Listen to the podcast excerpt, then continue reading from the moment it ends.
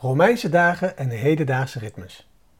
Als je echt productief wilt zijn en je creatieve werk op dagelijkse basis wilt uitvoeren, dan is het belangrijk om duidelijke doelen te stellen voor wanneer en hoe je dat werk gaat doen. Homo Deus van Yuval Noah Harari. De Romeinse dagen bestonden uit avond- en ochtendblokken met uren van 45 tot 75 minuten. Seneca vertelt ons dat de Romeinse Senaat hun eigen productiviteitsritueel had. Blijkbaar zouden ze na een tiende uur, 4 uur in de middag, niets belangrijks introduceren.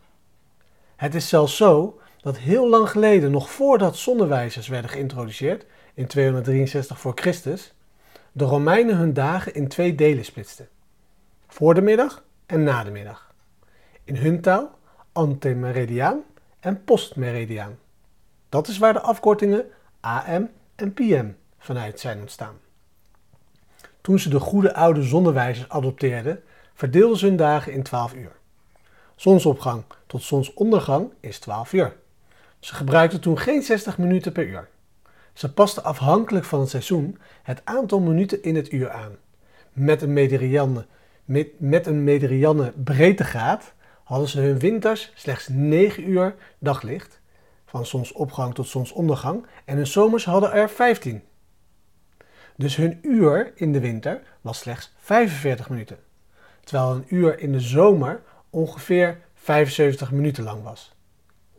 Dit is om een aantal redenen geweldig. Ten eerste, zoals Yuval Noah Harari ons eraan herinnert, zijn veel van de dingen die we als vanzelfsprekend beschouwen, zoals 60 minuten uren en het internet, niet natuurlijk, nog onvermijdelijk, nog onveranderlijk.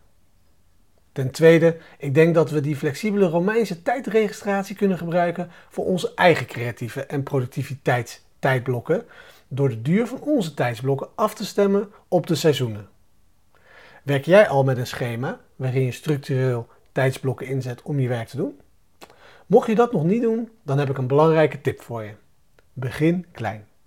Tijdsblokken waarin je onafgeleid werkt zijn mega goed voor je productiviteit.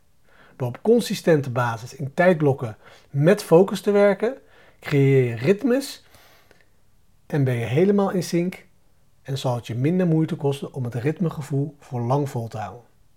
Het oude idee van de Romeinen kunnen we in onze moderne tijd gebruiken door te leren ritmes in sync met de natuur te ontwikkelen.